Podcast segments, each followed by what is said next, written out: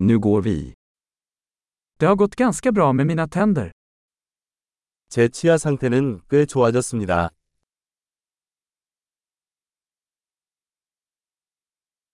Jag har flera problem att ta itu med tandläkaren idag.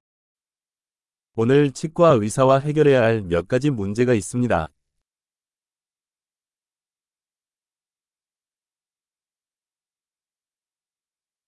Jag använder inte tandtråd varje dag men jag borstar två gånger om dagen. 저는 치실을 매일 사용하지는 않지만 하루에 두 번씩 양치질을 합니다.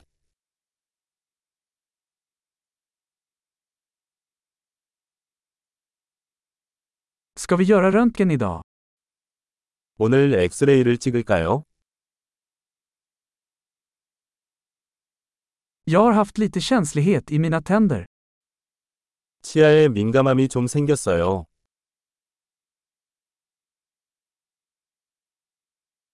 Mina tänder gör ont när jag äter eller dricker något kallt. 찬 것을 먹거나 마시면 이가 아프다.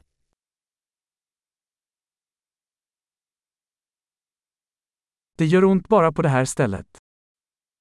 딱 이 한 곳이 아프다. Jag har lite ont i tandköttet. De gör ont. 잇몸이 좀 아프네요. 그들은 아프다.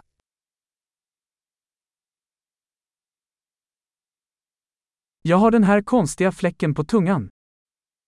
제 혀에 이상한 점이 있어요.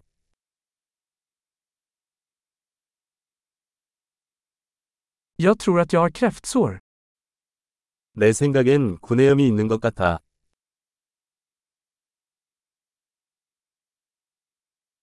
Det gör ont när jag biter i maten. 음식을 씹으면 아프다. Har jag några hål idag? 오늘 나한테 충치가 생겼나? Jag har försökt dra ner på godis. 나는 과자를 줄이려고 노력해왔습니다.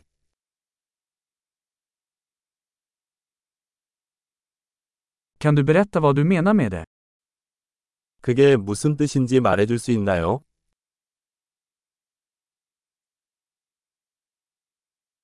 Jag slog min tand på något när jag åkte skidor. 스키를 타다가 뭔가에 부딪혔어요.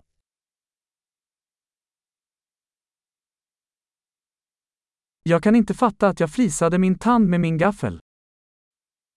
내가 포크로 이를 깨뜨렸다니 믿을 수가 없어요.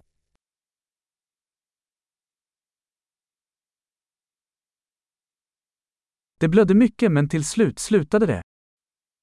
피가 많이 났지만 결국 멈췄습니다.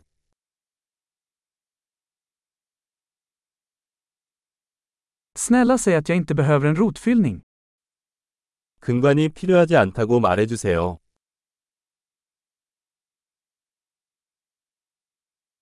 Har du någon lustgas? 웃음가스 있나요? Hygienisterna här är alltid så milda. 여기 위생사들은 항상 너무 친절해요.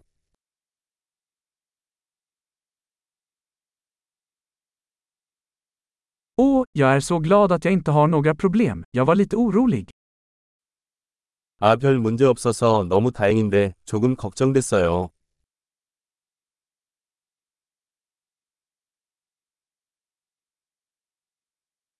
Tack så mycket för att du hjälper mig. 도와주셔서 정말 감사합니다.